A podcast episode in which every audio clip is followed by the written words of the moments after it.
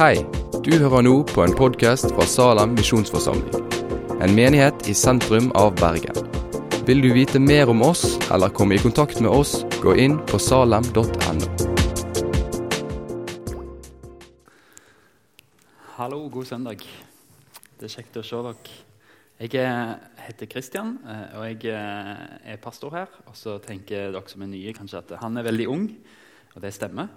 Um, men jeg vokser inn i rollen. Det vet jeg, fordi jeg kjøpte ei bukse i går som, som passa mye bedre før den størrelsen. Men eh, utrolig herlig å høre fra Gå ut-tjenesten. Eh, og hvis, hvis, noen tenker liksom at ja, det hadde vært kanskje bra å prøvd, så er det faktisk lov å være med og prøve. Du trenger ikke forplikte deg, men du kan være med én gang. Og da er det egentlig å dukke opp her en mandag klokka 19. Klokka 16. Og ferdig klokka 19. Så vet dere det. Men hvis dere har lyst til å være med en mandag klokka 4, og bare være her på bygget, og så vil dere treffe den herlige gjengen her. Og så kan dere være med én gang og så tenke evaluere hva det er noe å være med på. Det er alle hjertelig velkommen til å bare være med og prøve. Og Så kan vi prøve å si 'gå ut'-tjenesten veldig fort Gå tjenesten. Det minner veldig om gudstjeneste, men det er fordi det er gudstjeneste. Det er det som Her blir vi tjent av Gud mellom søndag mellom 11 og 1. Eller 11 og kvart over 12. Fra kvart over 12 til halv to-tre så tjener vi hverandre med fellesskapet. Og når vi går ut dørene våre her, så tjener vi Gud fra klokka er tre til klokka er 11 neste søndag. Gå ut tjenesten en del av vår gudstjeneste. Så har vi også mange andre ting du kan være med på hvis du har lyst til å se andre måter å jobbe ha tjeneste i Salem og ut fra Salem, så kan du gå inn på salem.no og trykke 'engasjer deg'. Der har vi noe som heter Salem ut, der vi sender folk ut til barnelag, til leirer, til andakter, til taler rundt omkring. Der kan du krysse av nesten hva du vil der du tenker jeg har noe å bidra med, som jeg kan gi til andre i regionen vår. Vi skal reise oss, og så skal vi lese søndagens tekst, som vi finner i Matteus 15. Så dro Jesus derfra og tok veien til områdene omkring Tyros og Sidon. En kanoneisk kvinne fra disse traktene kom og ropte, 'Herre, du Davids sønn, ha barmhjertighet med meg.'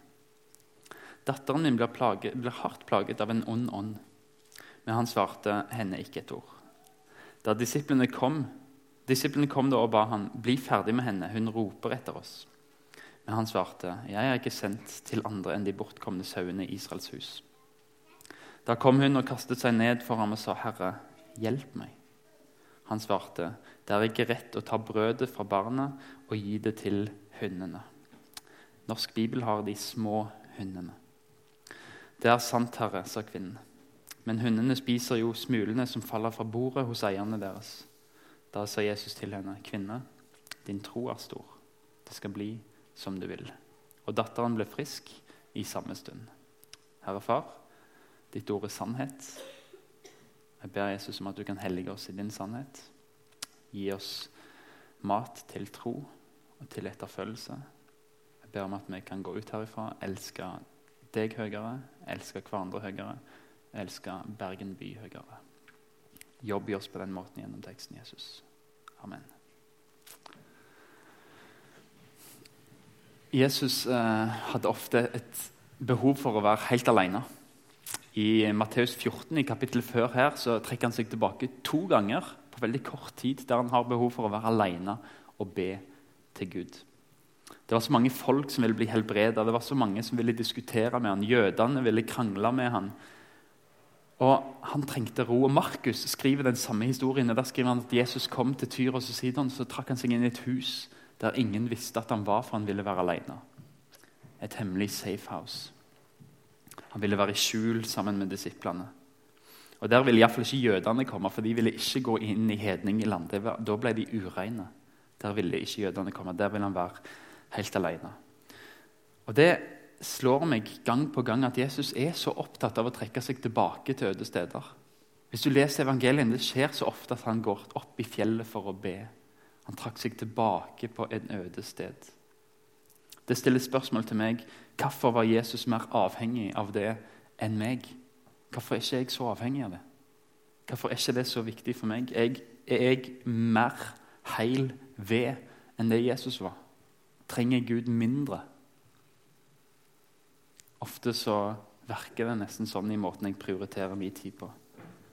Jeg tror det sier noe om våre prioriteringer at vi ikke greier å finne de øde stedene. Men til og med der ble Jesus avbrutt. Ei kanoneisk kvinne som kom. Hvordan visste hun hvem Jesus var? Altså, Hun var ikke jøde. Hun kjente ikke loven. Hun, hun hadde ikke løftene om Messias.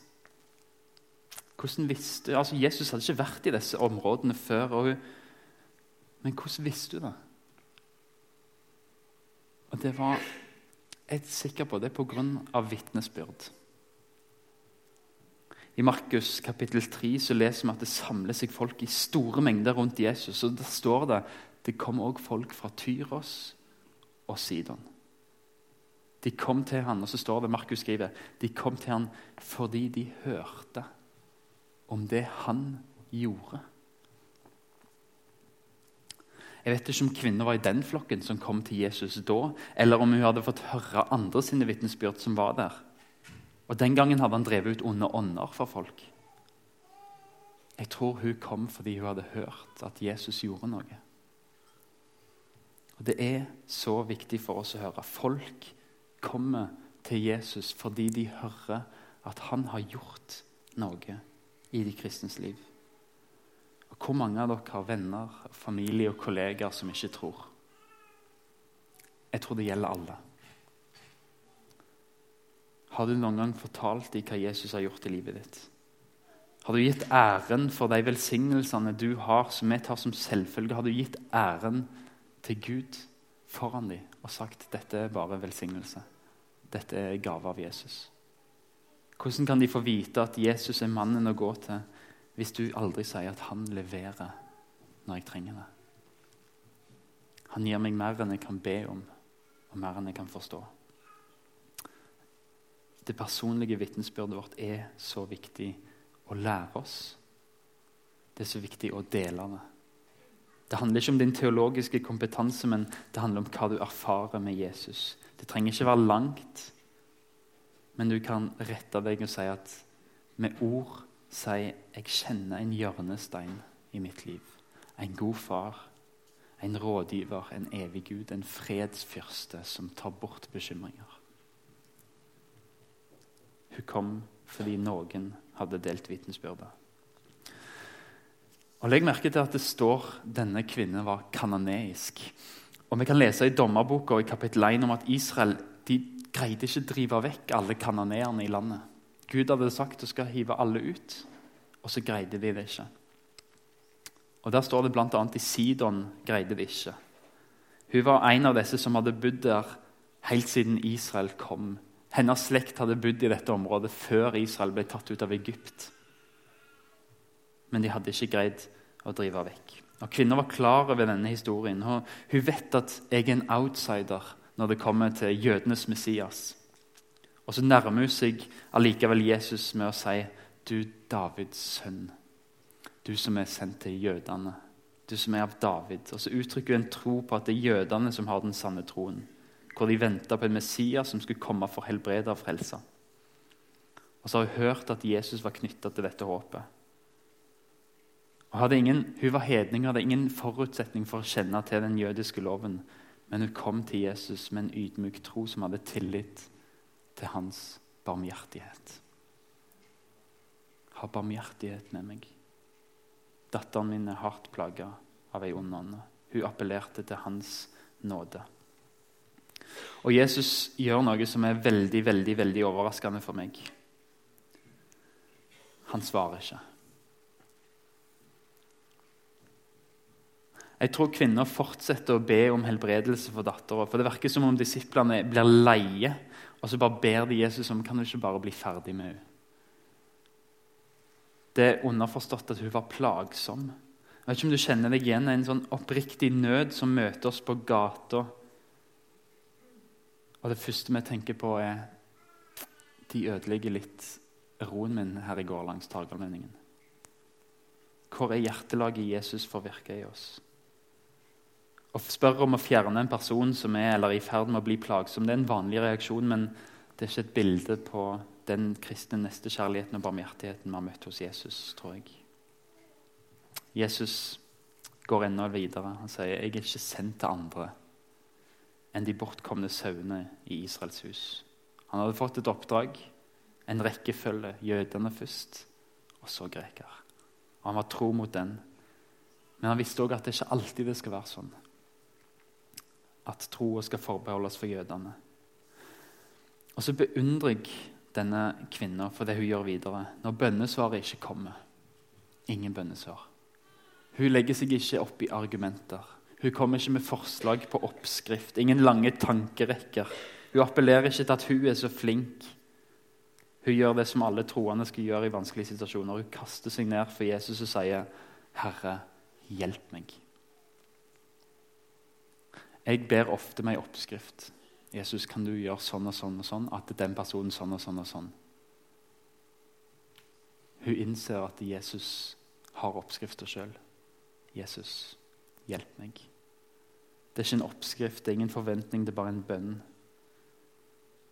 Og utholdenheten hennes, utholdenheten hennes er beundringsverdig. En utholdenhet som vi har lært å ha av Jesus. Be alltid. Bær alt framfor han i takk og bønn. Be og fortsett med det, så skal du få. Og En gang så lærte Jesus disiplene en lignelse om at de skulle be og ikke miste motet. Den kan du lese i Lukas kapittel 18 når du kommer hjem. Luther han skriver at denne kvinnen var ei kilde for stor trøst og stor glede. Han så stort på hennes evne til å kjempe med Jesus i bønn. Hun var dristig nok til å hele tida argumentere, til å be mer, be lenger. Bønnen for hun var ikke et ritual, det var en utøsning av hjertet. Og Utholdenhet i bønnen er aldri frekk mot Jesus, den er bare et uttrykk på tro på at han kan. Dette mitt håp. Så er det litt interessant å se at Matteus bruker en verbform når han sier at kvinner falt ned for Jesus og knelte. Så det er ikke bare det at hun knelte og så sa 'hjelp meg', og så reiste seg opp igjen. Matteus skriver at hun knelte, og så ble hun der. Hun lå på kne foran Jesus. Og Jesus bruker den samme verbformen når han sier du skal be, og du skal fortsette å be, så skal du få. Du skal banke på, og du skal fortsette å banke på. Så skal det åpnes opp for deg. Og du skal lete, og du skal fortsette å lete. Så skal du finne. Det er Bibelens oppmuntring til å bli værende i bønn. De færreste bønnesvar er umiddelbare. Men Jesus lærer oss tålmodighet og utholdenhet i bønn. Så kommer vi til det som kanskje er mest sjokkerende i dagens tekst. Det har forundra meg mange ganger. Det er ikke rett å ta brødet fra barna og kaste det til de små hundene. Denne kvinnen var ikke bare hedning, men hun var kanoneer. De som bodde i landet før jødene kom, de som Gud hadde sagt de hadde nådd sitt syndemål, de skulle kastes ut, de skulle utslettes. De var utenfor pakten, de var utenfor Guds folk. Og Jesus understreker det her til gangs. Har du rett til å sitte til bords i mitt rike? Er du verdig? Har Gud gjort deg verdig? Dette angår mitt folk. Hvordan kan vi forstå det Jesus sier her? Å kalle noen for en hund det er en fornærmelse så stor i deler av verden at bibelkommentatorer og teologer som skriver kommentarer til dette, sier det er det samme som i dag å kalle noen for hyrpe eller for bitch. Hva er det Jesus holder på med? Kanskje gjør det litt mening hvis vi prøver å se litt mer på det. For det første så bruker ikke ord Jesus det vanlige ordet som ble brukt for hund. Det som jødene kalte hedningene for hund, eller skjøter, eller villhund. Men Jesus nå håper de, de, som liker grammatikk, de kommer til å like det neste avsnittet. Men Jesus bruker noe som jeg kaller for diminutiv diminutiv. Det vil si at han bruker ordet for hund, og så legger han på en endelse som gjør at betydningen blir mildere. Vi har f.eks. endelsen 'ling', som vi kan bruke for å lage oss koseord. Elsklingen min, godingen min. På engelsk så har vi endelsen 'lett' for å beskrive mindre ting. Du har 'a book', men du har et hefte som er 'booklet'. Og På spansk så har du 'ito' eller 'ita' som 'poco' og 'poquito', som blir til et litt mer sjelenavn, faktisk. Og Dermed så ser vi at Jesus kaller ikke kvinnen for en villhund som roter i søpla, som er farlig for barna. Men han bruker ordet som er for en tam hund som bor hjemme. Og På gresk så er diminutiv ofte noe en bruker for å uttrykke noe på en kjærlig måte. Jesus tok brodden ut av det som normalt var en fornærmelse. Og så må vi anta, sånn vi kjenner Jesus fra Bibelen, og sånn han møtte folk, at han sa dette med tonefall og et blikk som ikke var meint å kommunisere avsky, men barmhjertighet. Og uansett så lukker han aldri døra for henne. For i Markus så siterer han Jesus og sier at barna må først bli mette. Men bare først. Det er nok til alle i huset. Israel skulle få evangeliet først, men det betyr at andres tur vil komme. Døra sto på gløtt. På den tida spiste ikke folk med kniv og gaffel og servietter. Men de spiste fra samme tallerken på bordet. De strakk seg langt over, og det var lang vei til, til munnen. Så det var mye som gikk tapt. Det var mye smuler, og de tørka seg på brød som de brukte som servietter og la ved sida av, som hundene fikk. Eh, mye smuler ville falle på gulvet. Og så fortsetter kvinna på det bildet Jesus gir henne. Det er sant, Herre, men hundene spiser jo smulene som faller fra bordet hos herrene deres. Det er sant, Herre. Tenk å få høre fra Jesus at du er en hund. Selv om det er med et kjærlig suffiks, med kjærlig blikk og med barmhjertighet. Men Jesus formidler gjennom det at du er ikke verdig å sitte til bord i Guds rike. Hun er ikke jøde, hun kjenner ikke loven og har i alle fall ikke holdt den. Og hun gir Jesus rett. Det er sant, Herre. Det er sant. Hadde du noen gang sagt deg enig med Jesus, som er full av sannhet om ditt liv? Når han peker på ting i ditt liv, har du sagt det. Jesus, det er sant. Det kan virke farlig å si seg enig i det, men det er det som er nådens vei. Sier vi at vi ikke har synd, der bedrar vi oss selv, og sannheten er ikke i oss. Men dersom vi bekjenner våre syndere, er Han trofast og rettferdig, så Han tilgir oss syndene og renser oss for all urett. Det er sant, Herre.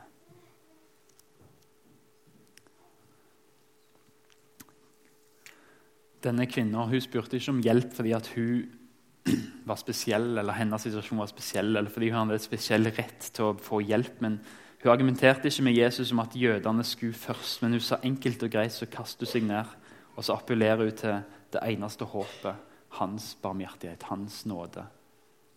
Og der er vårt eneste håp òg.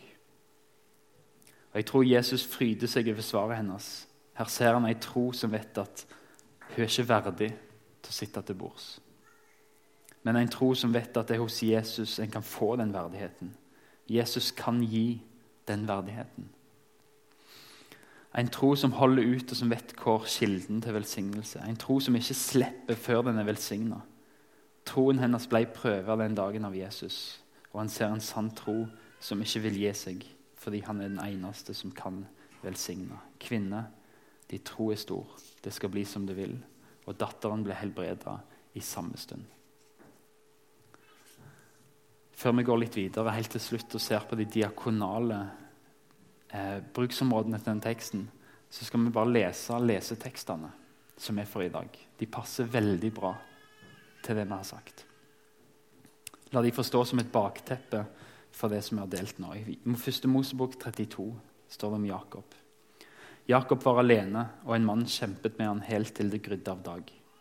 Da mannen så at han ikke kunne vinne over ham, ga han Jakob et slag over hofteskålen så hoften gikk ut av ledd mens de kjempet.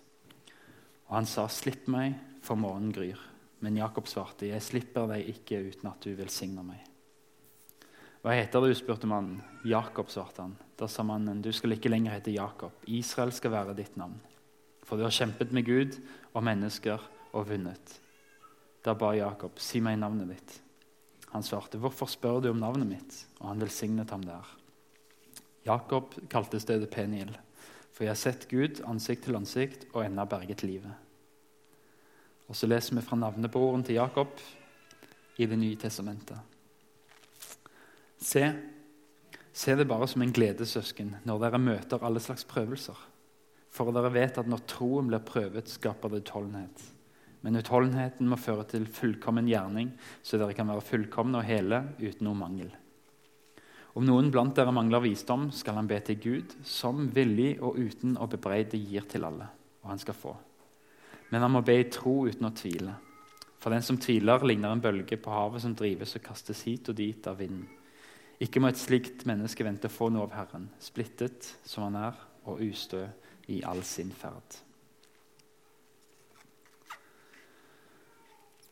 Helt til slutt så skal vi bare se på det diakonale i teksten vår. Det er en grunn til at denne søndagen ble valgt som diakonisøndag. At vi har fått høre fra gå ut-tjenesten vår.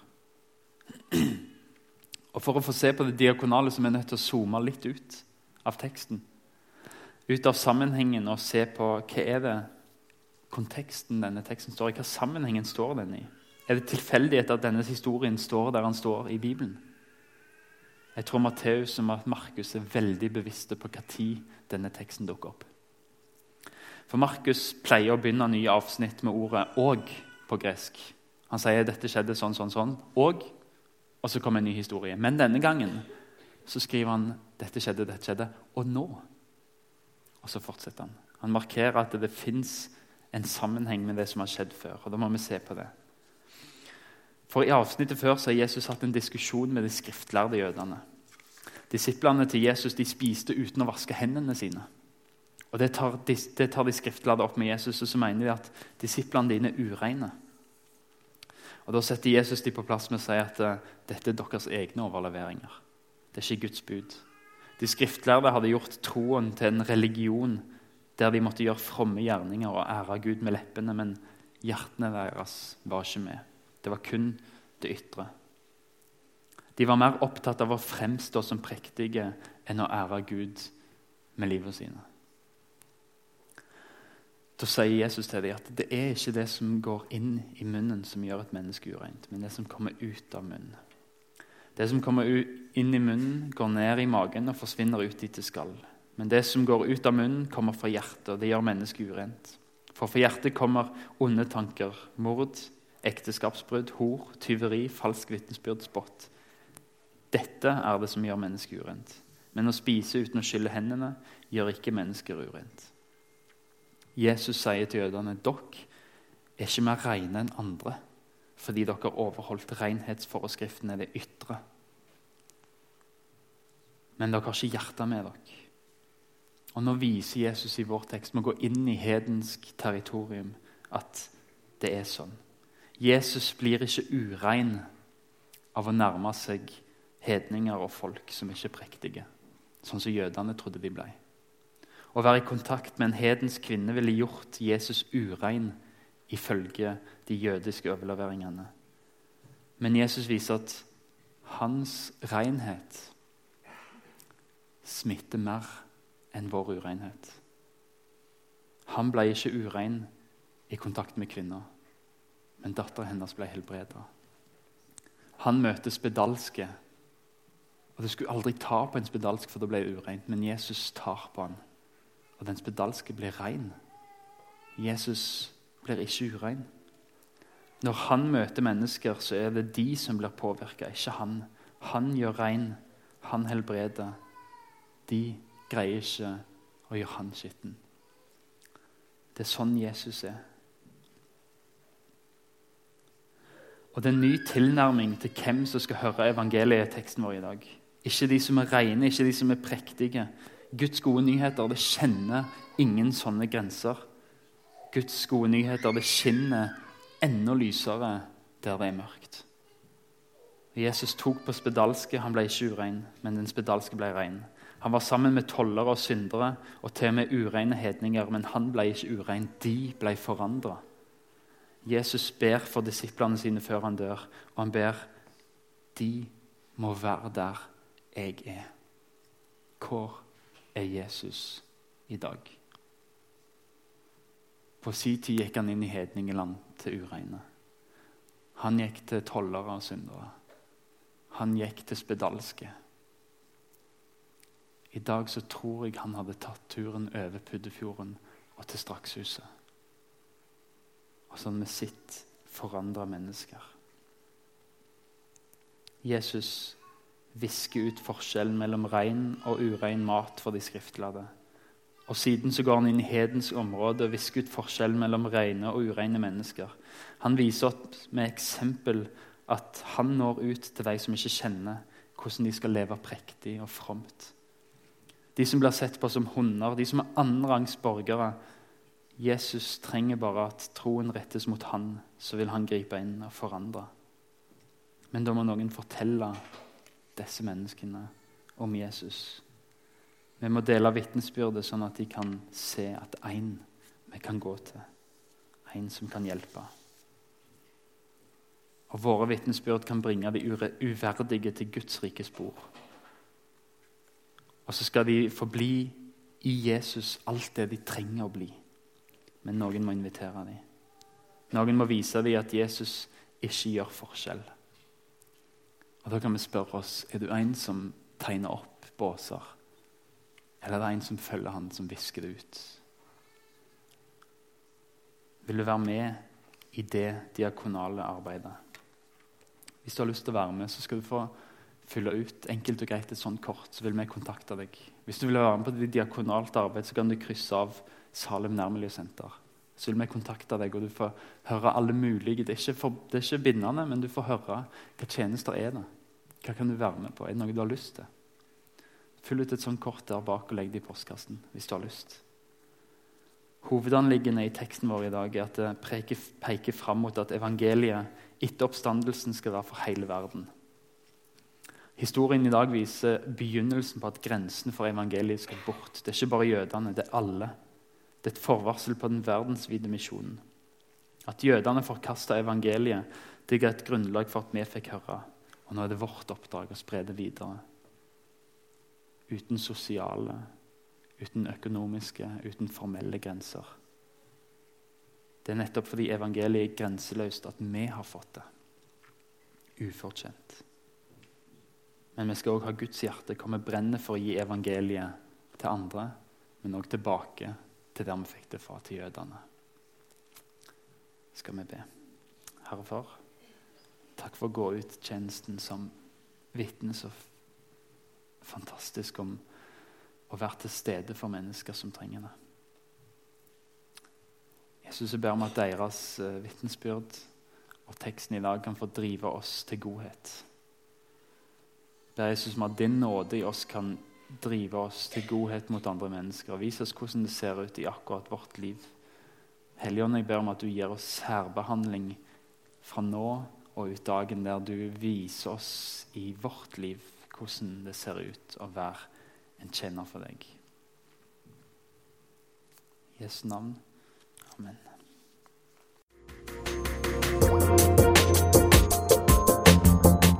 Takk for at du har hørt på podkasten fra Salem, Bergen.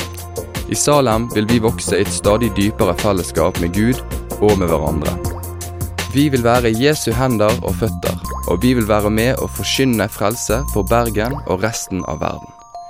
Besøk oss gjerne på salem.no om du vil vite mer.